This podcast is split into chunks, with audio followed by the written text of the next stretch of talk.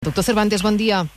Molt bon dia, Laura, què tal? A veure, aquest toc de queda per 158 municipis, què li sembla? Eh, El, el, el company de la Seu ho ha dit molt clar.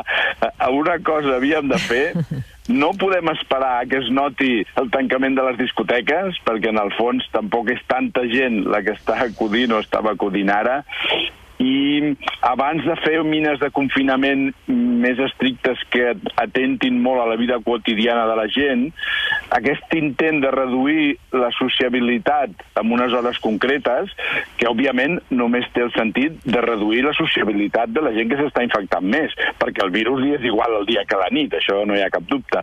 Però és possible que tingui efecte i, per tant, és una mida amb pocs efectes secundaris, malgrat els afectats de, de, de, de restauració, oci nocturn, etc que, que notaran un problema, però que probablement afecti menys a la vida quotidiana de la resta del dia de la resta de la gent. I, per tant, és una mida raonable, no molt agressiva, i veurem en pocs dies si amb resultats. Mm.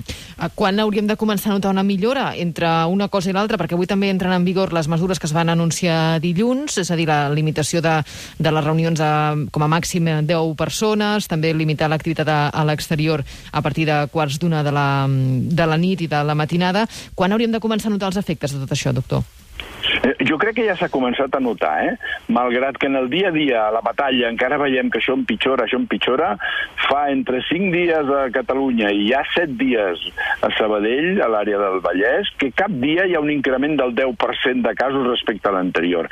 I veníem d'una setmana prèvia en què havíem arribat pràcticament al 50%, o sigui, d'un dia a un altre es doblaven, setmanalment, eh? La, realitat és que això no es medeix només cada dia, perquè hi ha molts canvis, depèn del dia de la setmana, de la declaració. Però si comptes cada setmana un dia darrere l'altre, estem baixant però estem baixant amb intensitat d'augment. Encara no estem baixant de nombre de casos. La ciència, diguéssim, eh, sense escrúpols, ens diria, no, no, pres una, una mesura, t'esperes 15 dies, després pres la següent, això no ens ho podem permetre. Si les coses van malament, hem de fer coses raonables i no esperar a que cada mida dongui el seu resultat. Si al final funciona, segurament serà una barreja de totes elles i fonamentalment, com deia el meu company, de la vacunació. La vacunació no té un efecte immediat, no baixarà els casos de la setmana que ve, però serà la solució perquè no en tinguem el mes que ve. Mm. Ah, quina és la situació ara mateix a l'Hospital de, de Sabadell? Un company meu em deia aquest dia, aquest matí, Uh, home, no, no estem molt malament, però la cinètica ens apunta a estar fatal.